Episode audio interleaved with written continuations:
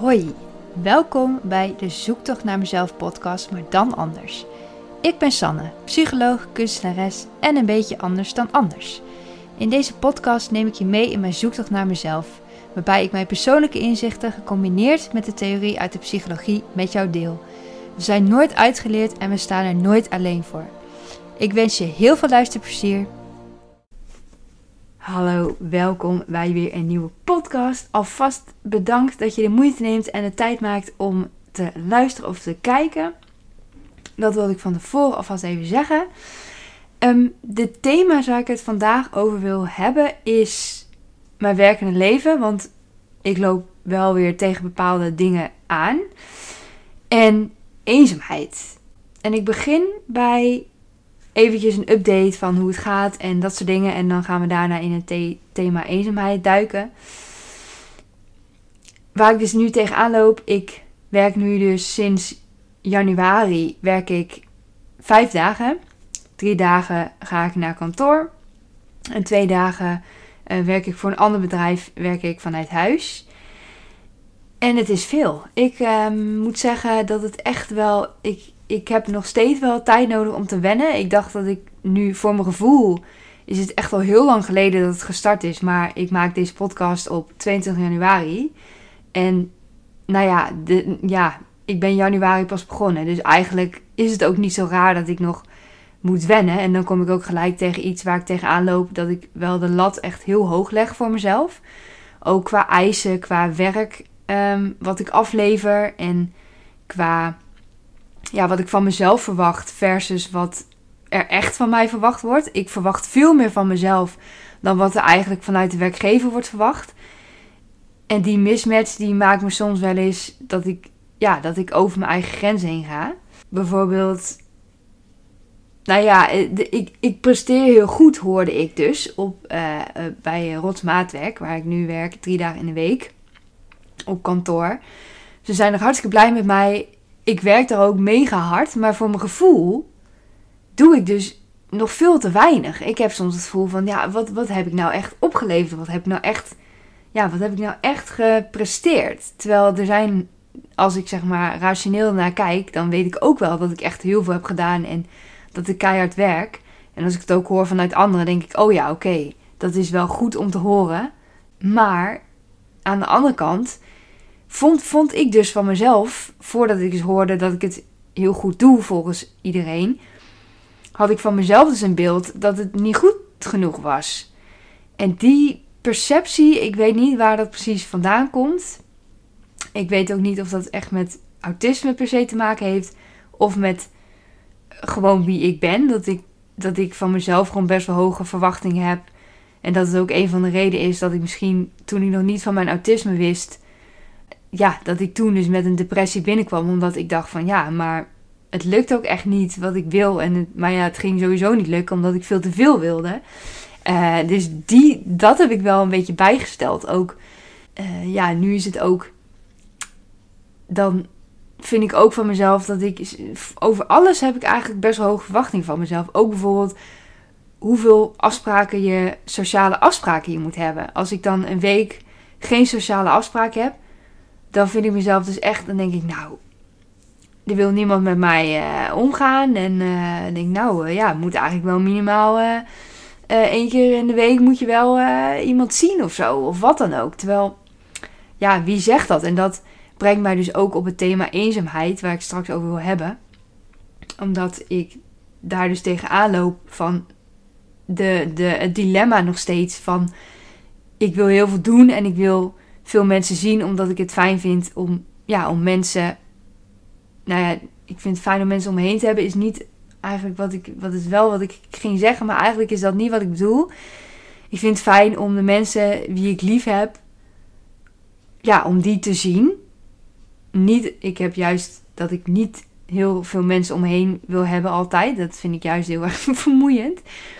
Maar de mensen van wie ik hou, de mensen wie ik lief heb, die die wil ik wel regelmatig zien in mijn leven, zeg maar. Daar heb ik wel echt behoefte aan. Maar aan de andere kant vind ik het dus, ja, heb ik dus ook die behoefte om wel alleen te zijn en om op te laden. Maar dan voel ik me zo ook heel snel weer eenzaam. En dat is, ja, dat is sowieso een dilemma van ja, ook omdat ik dus verwachtingen heb van ik moet mensen zien, want dat wordt er van je verwacht. Of als je dat niet hebt, als je geen druk sociaal leven hebt, dan ja, hoor je er blijkbaar niet bij of wat dan ook. Ja, waar dat vandaan komt, ik heb geen idee. Maar dat, is dus, dat zijn dus heel veel dingen die je tegen jezelf kunt zeggen. En misschien heb jij ook wel dingen die je tegen jezelf zegt. Dat is misschien wel een leuke poll die we kunnen doen. Van welke verwachtingen heb jij van jezelf waarvan je weet van dit slaat eigenlijk nergens op. Dus ik zal ook wel, uh, ik ga op Instagram ook even een poll neerzetten. Ik vind dat wel uh, interessant. Dus dan kan ik volgende keer um, gaan bespreken wat, uh, wat we allemaal zeggen over onszelf. En als je trouwens, um, ik hou het sowieso anoniem hoor, de, de reacties. Als je wel je naam wil vernoemd hebben, dan moet je dat erbij zetten. Dat moet niet, niks moet, maar dan kun je dat erbij zetten. Als je dat leuk vindt kan ik een verwijzing doen naar jouw Instagram bijvoorbeeld. Geen idee of dat überhaupt. Uh, ik weet niet hoe groot mijn bereik is, maar maakt ook eigenlijk niet uit. Ja, dat, dat is eigenlijk een beetje hoe het nu gaat. Ik vind het veel. Ik vind het veel. Ik heb dus vijf dagen uh, werk ik dus. En ook de dagen dat ik dus thuis werk, heb ik ook, wat ik ook net al zei, bij mijn andere baan, bij Rots. Daar heb ik dus ook het gevoel dat ik te weinig doet, terwijl dat helemaal niet zo is. Bij onbeperkt denken heb ik ook de neiging om steeds meer te vragen. Meer werk, meer... Het is heel veel nadenkwerk, heel veel brainstormwerk. En denk ik, ja, maar ik wil echt iets opleveren. Ik wil echt iets concreets doen. Terwijl ik echt wel heel... Eh, volgens mij, ik heb, ik heb volgens mij volgende week een, uh, een voortgangsgesprekje. Van hoe gaat het ook vanuit Autitalent. Omdat het natuurlijk vanuit Autitalent is dat ik daar werk. En dat is wel fijn dat zij daar heel scherp op zitten dat de voortgang ja, in de gaten wordt gehouden. Um, maar naar mijn idee, kijk, het gaat er goed. Ik, heb, ik ben echt heel blij dat ik ook kan bijdragen aan het project. Want dat is gewoon echt een heel tof project. En uh, ja, voor een inclusievere werkomgeving. Nou ja, dat is ook precies. Het is begonnen met de banenafspraak, waar ik ook onderdeel van ben. Ik heb ook een indicatie banenafspraak. Daar doe ik nu eigenlijk helemaal niks mee. Nou ja, via Autotalent heb je dat nodig om aan de slag te kunnen gaan. Maar het is niet zo dat uh, ik werk dus voor onbeperkte denkers via Autotalent. Dat onbeperkte denkers dat als voorwaarde heeft van we willen echt mensen die zo'n indicatie hebben. Weet ik eigenlijk niet. Um, maar binnen de Rijksoverheid zijn er wel bepaalde doelen die ze hebben gesteld. Met betrekking tot de banenafspraak van zoveel procent van de medewerkers moet binnengehaald worden via die banenafspraak. Daar is het mee begonnen. Nu is het meer inclusie, inclusie breed. Dus ook op geslacht, ook op uh, culturele achtergrond, dat soort dingen. Dus echt van hoe creëer je een inclusieve werkomgeving en hoe, ja, hoe realiseer je dat dan? En nou, het is echt super, super tof project. Vooral voor mij om aan bij te dragen. En, maar ik vind dus altijd dat ik niet genoeg doe. En ik vind het, ja, en dat eigenlijk nu ik erover praat, want dat is dus ook de podcast, die helpt mij soms ook om dingen weer te relativeren. Dat doe ik ook met spraakberichtjes naar, naar een vriendin van mij. Die spraakberichtjes, die, die stuur ik naar haar. En zij stuurt dan ook weer dingen terug. Van, oh ja, kun je er ook zo en zo naar kijken. Maar aan de ene kant is het ook een soort therapeutische uiting van... Dan kun je praten ergens over. En dan kun je je gedachten een beetje op een rijtje zetten. Dat is ook heel erg bij dingen opschrijven. Dat is dus ook iets wat ik nu al een tijdje niet doe. Omdat ik gewoon te druk ben, ook in mijn hoofd, maar ook gewoon letterlijk. Dat ik ja, ik moet dus naar kantoor. Ik moet uh, zorgen dat ik eten heb. Ik moet boodschap doen. Ik moet huis schoonmaken. Ik spreek dus ook nog af met mensen.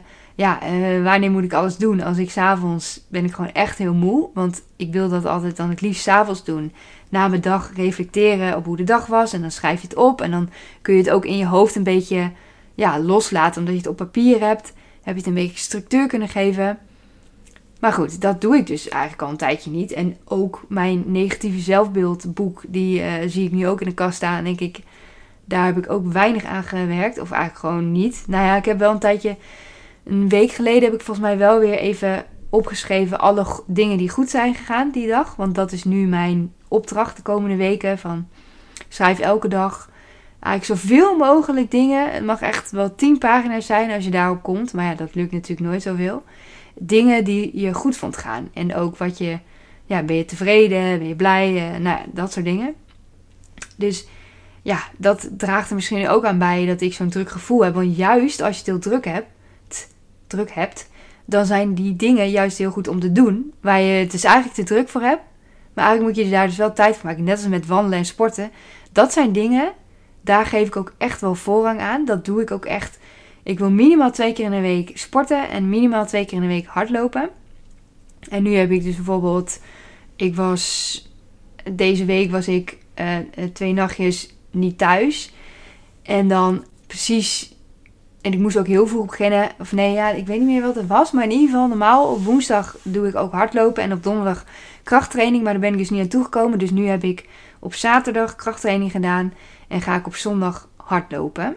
In plaats van op de woensdag en de donderdag. En op de maandag en de uh, dinsdag heb ik, uh, heb ik ook al ge, gesport.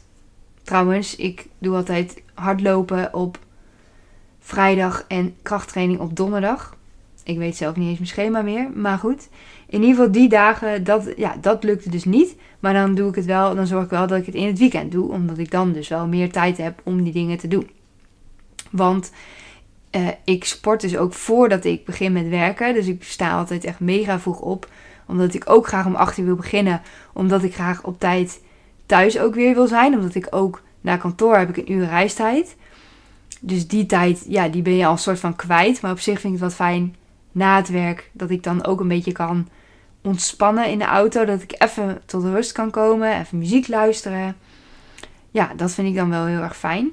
Dus dat helpt dan ook wel weer als ik dan thuis ben. Dan kan ik ook gelijk beginnen met eten maken of wat ik dan ook wil doen die, uh, die avond. Maar ik had bijvoorbeeld ook, uh, ik doe dus ook nog vrijwilligerswerk. En daar staat officieel vijf uur per week voor. Maar dat is nu eventjes voor mij best wel intensief, omdat we nu het bestuur echt aan het opzetten zijn. Er was geen bestuur vanuit de regio Overijssel, NVA, Nederlandse Vereniging voor Autisme. Daar zit ik in het bestuur van dus het regiobestuur Overijssel.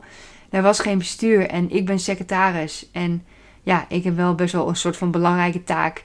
Ja, communicatie tussen de leden. Of ja, zorgen dat iedereen uitgenodigd wordt. Of ja, dat we een datum hebben voor de eerste vergadering. Nou ja, ik vind het best wel, best wel heftig. En we hadden ook nog vanuit het NVA een online vergadering met ook andere nieuwe bestuursleden van andere regio's. En dat vind ik heel interessant, maar ik was echt. Ik was al zo moe. Ik had de hele drukke dag gehad op kantoor. En dan merk ik gewoon dat ik daar gewoon geen energie meer voor heb. En toen heb ik ook, was ik best wel trots. Toen heb ik ook gezegd van ik blijf maximaal tot 9 uur. Want ik merk dat ik, ja, dat ik lage energie heb.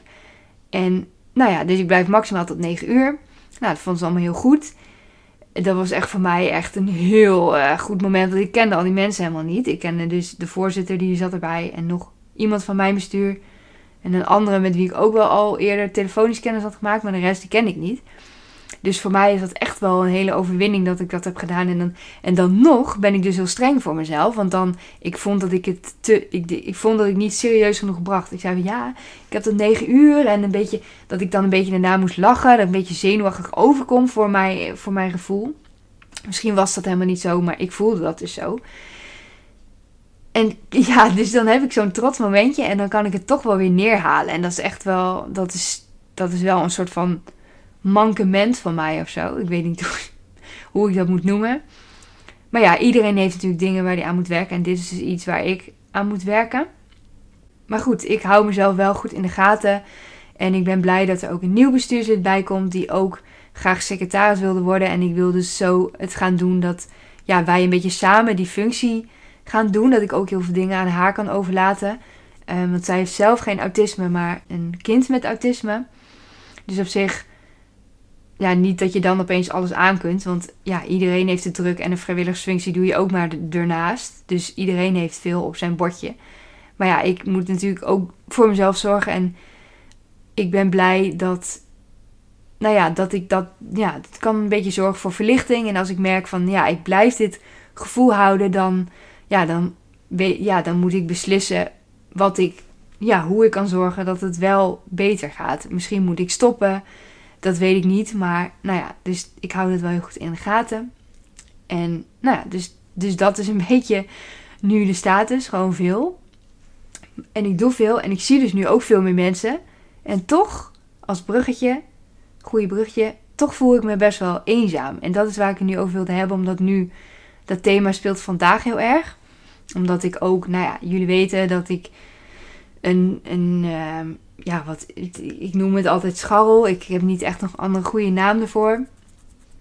Uh, maar als wij dus samen zijn, is het heel leuk en heel fijn. Alleen ik weet dat we dus niet aan een relatie bouwen. Maar als je bij elkaar bent, ja, dan, dan vergeet je dat een soort van. denk je, ja, het is nu gewoon gezellig. Dan zien we daarna wel weer. Alleen als ik dus weer thuis kom alleen, dan denk ik, oh, het is nu wel heel alleen. En dan word je wel heel erg geconfronteerd met, oh ja, er wordt niks opgebouwd. En, nou ja, en wat ik dus net ook al zei, dat als ik dus bijvoorbeeld weinig afspraken heb staan in het weekend, dan voel ik me echt heel eenzaam. En zelfs, ja, dus dat is echt heel stom, want ik heb heel veel mensen. Ik merk dat dit onderwerp mij raakt. ik ga nog wel door hoor, maar goed, ik moet me zelfs een beetje bij elkaar rapen. Ik vind, ik denk, ik dacht eerst van nee, ik ga alles eruit halen. Maar nu denk ik ja, nee, ik ga toch erin laten, want het is wel echt, nou ja, het zijn wel echt gevoelens. En misschien zijn er andere mensen die ook worstelen met eenzaamheidsgevoelens. Terwijl ze ook denken van nou, ik heb helemaal geen recht om me eenzaam te voelen. Want dat heb ik een beetje. En ook al voel je wel eenzaam, heb je wel, vind je wel dat je recht hebt om je eenzaam te voelen. En voel je ook eenzaam, dan is het ook, dan vind ik ook dat je er mag zijn. Trouwens, het is niet zo, ik zei dat net een beetje raar, maar ik vind dat iedereen er mag zijn, sowieso. Dat je dat even weet, jij mag er zijn. Dat moet ik dus ook vaak tegen mezelf zeggen.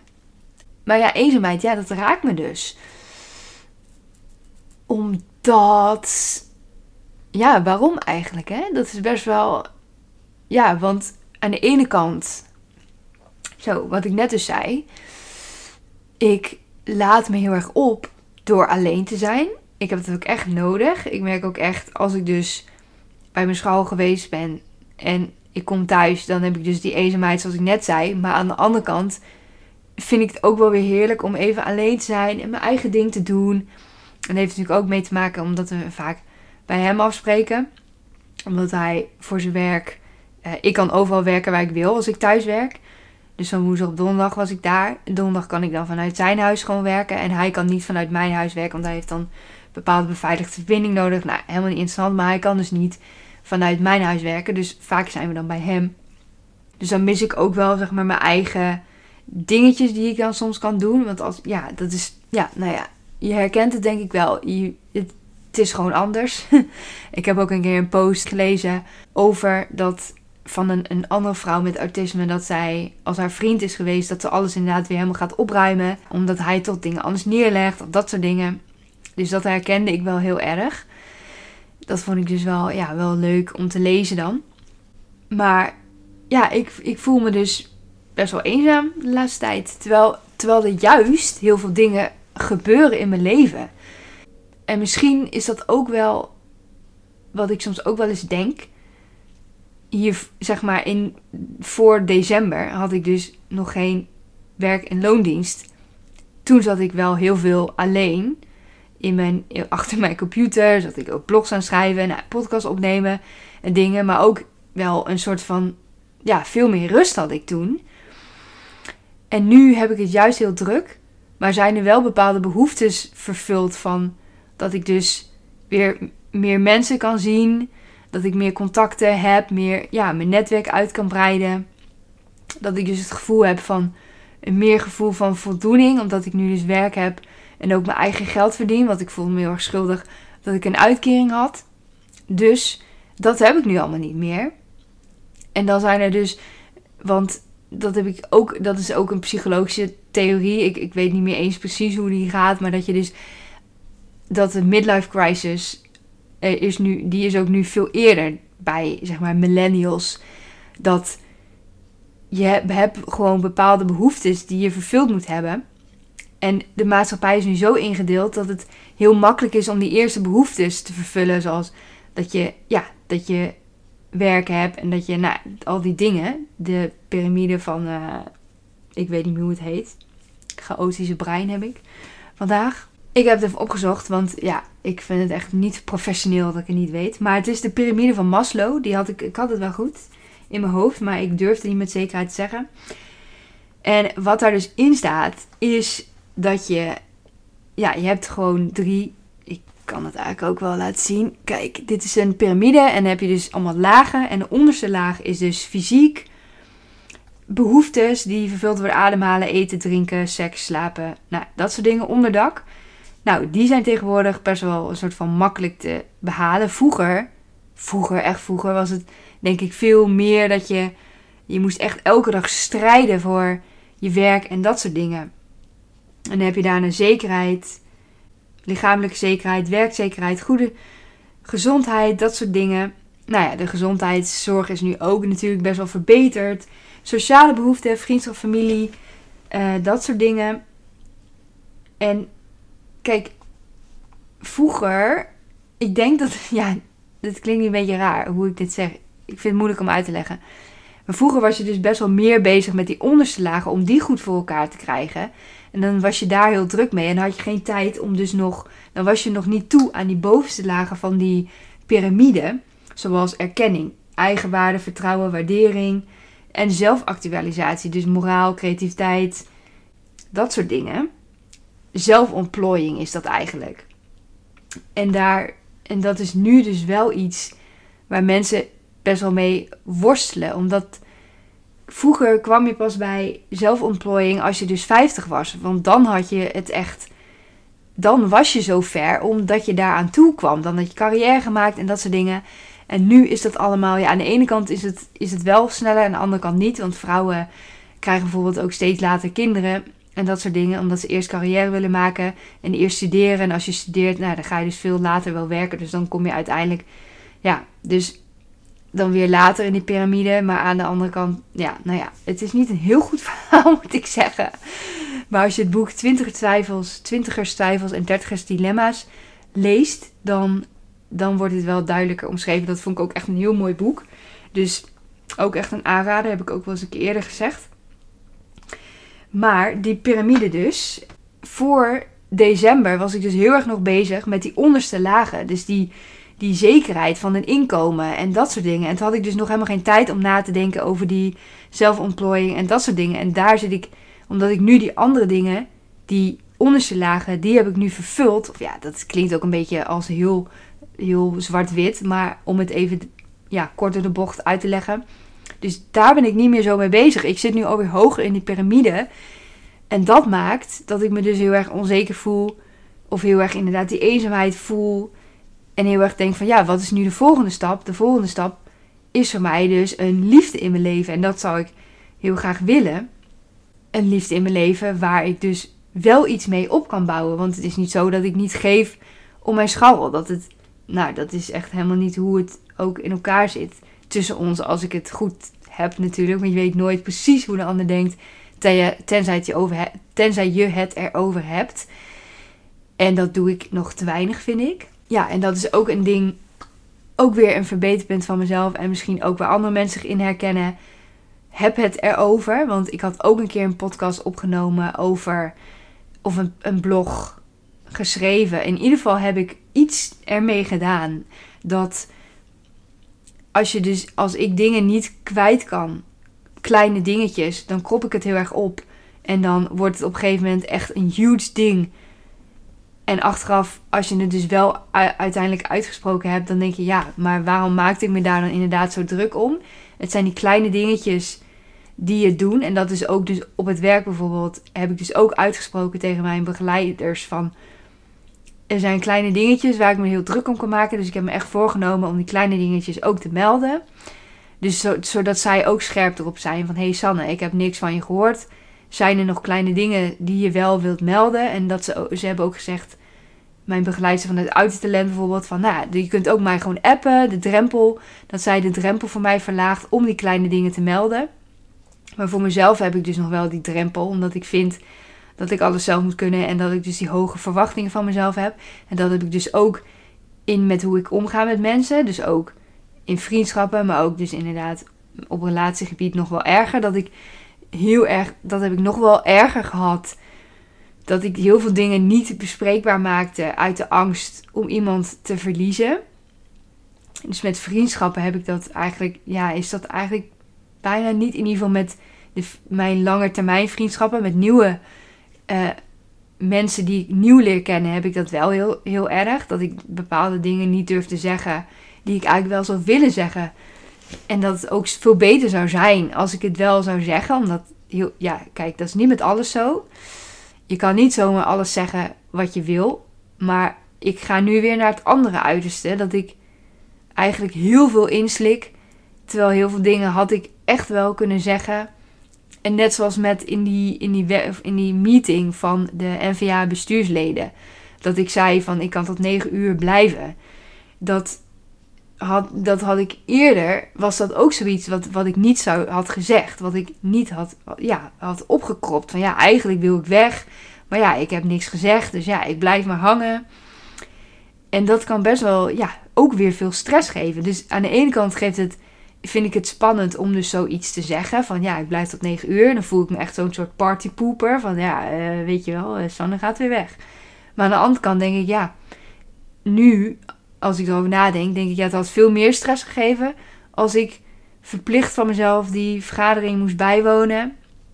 En terwijl ik het helemaal niet wou, terwijl ik hartstikke moe ben. En dan ga je, ja, waarom zou ik dat dan doen? Weet je wel, dan kun je veel beter even die stress hebben van ik moet iets zeggen. En dan geeft het daarna zoveel opluchting. Net als inderdaad, nou ja, met, met, met op relatiegebied, dat ik dus dingen moet zeggen. Want het lucht gewoon heel erg op. Terwijl je kijkt er heel erg tegenop om die dingen te zeggen tegen iemand. Maar achteraf denk je, ja, het was gewoon veel beter dat ik het wel heb gedaan. En als het niet goed uitpakt, qua relatiegebied, dan weet je ook dat diegene niet degene voor jou is. Want als je niet kunt zeggen wat je wil zeggen, ja, of wat je echt kwijt moet, wat je echt met iemand moet bespreken en het wordt niet goed ontvangen, dan is dat ook een teken dat, ja, dat de relatie, dat het niet de juiste persoon voor jou is. Want je moet wel alles met elkaar kunnen bespreken als je echt een lange termijn relatie met iemand wil. In ieder geval, dat ben ik dan van mening. Dat dat wel, ja, dat dat wel echt belangrijk is. Überhaupt, ja, communicatie. Dat is dus, ik ben heel goed in schriftelijk communiceren. communiceren. En ik vind het ook heel leuk om in de communicatiehoek te werken. Want dat is nu ook een beetje voor onbeperkte denkers. Zit ik ook echt een beetje in de communicatiehoek. Dat vind ik juist hartstikke leuk om te doen. Alleen soms heb ik het dus zeg maar in face-to-face, echt in relatiesferen, in contacten met mensen, heb ik daar soms nog wel moeite mee om dat goed uit te voeren. En dan moet ik zeggen, nou ja, wat ik net ook al zei, ik word wel echt beter erin ik kan nog wel, ja, ik kan me wel nog steeds wel ergeren aan bepaalde dingen van mezelf. Van ja, dit doe ik niet goed. Of, en dat is, dat is op zich, kijk, dat is ook wel een mooie eigenschap. Dat ik weet van mezelf waar ik nog aan wil werken. Of waar ik aan moet werken. Dat ik wel, ik heb best wel een goede zelfreflectie. Maar soms is iets te goed. Dat ik dus mezelf ook te kritisch beoordeel. En dat gaat dan weer te ver. Maar het is inderdaad best wel een mooie eigenschap dat ik dus van mezelf kan zien van, oh ja, daar moet ik aan werken.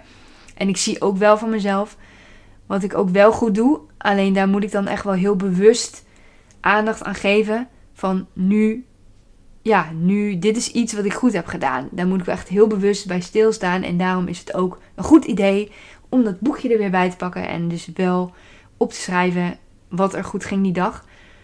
En wat ook is, hè, als laatste tip. Kijk, ik heb dus ik wil elke dag in dat boekje schrijven: wat ging er goed vandaag? En dan heb ik dus één dag niet gedaan. En dan zie ik het gelijk als een soort verloren zaak. Van nou, ik heb het niet gedaan. En uh, nou ja. Terwijl, dan geef ik het dus helemaal op. Dan doe ik het gewoon helemaal niet meer. Terwijl er best wel dagen zijn waarbij ik het wel had zou kunnen doen.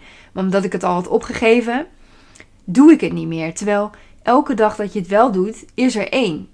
En dat is wel een beetje de, of een beetje, dat is wel, dat is een mooie boodschap om mee te geven van als je iets wil doen en je deed het eerst nog nooit, dan is iedere keer dat je het wel doet, is mooi meegenomen. Ook al is het niet wat je van tevoren had gedacht, je wilt elke dag doen, ik doe het één dag in de week. Maar ja, vorige week deed je het helemaal nooit. Dus je bent al vooruit gegaan, zeg maar. Dus, en als je dat volhoudt, één dag in de week het wel doen, dan zul je zien en dan moet ik ook tegen mezelf zeggen, dan zal ik zien dat het ook makkelijker wordt om twee dagen te doen. En dan heb je weer een slechte week en doe je weer één dag of doe je het een week niet, maar daarna pak je het weer op.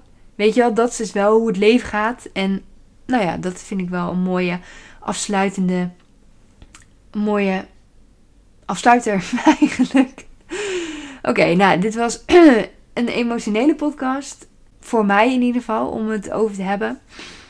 Dus ik ga nog even de poll uitzetten. Van waar jij kritisch, ja, waar jij hoge verwachtingen hebt van jezelf. Wat eigenlijk, waarvan je weet wat eigenlijk helemaal niet nodig is. Ik ben wel heel benieuwd. En ik ben ook benieuwd of het onderwerp eenzaamheid bij jou speelt en hoe je daarover denkt. Dus mocht je daarover willen DM'en of berichten, dat uh, kan via Instagram sanne-autismij of sanne.autismij.nl kun je mij bereiken. Dus doe dat vooral. Dankjewel voor het luisteren en of kijken en tot de volgende. Doei!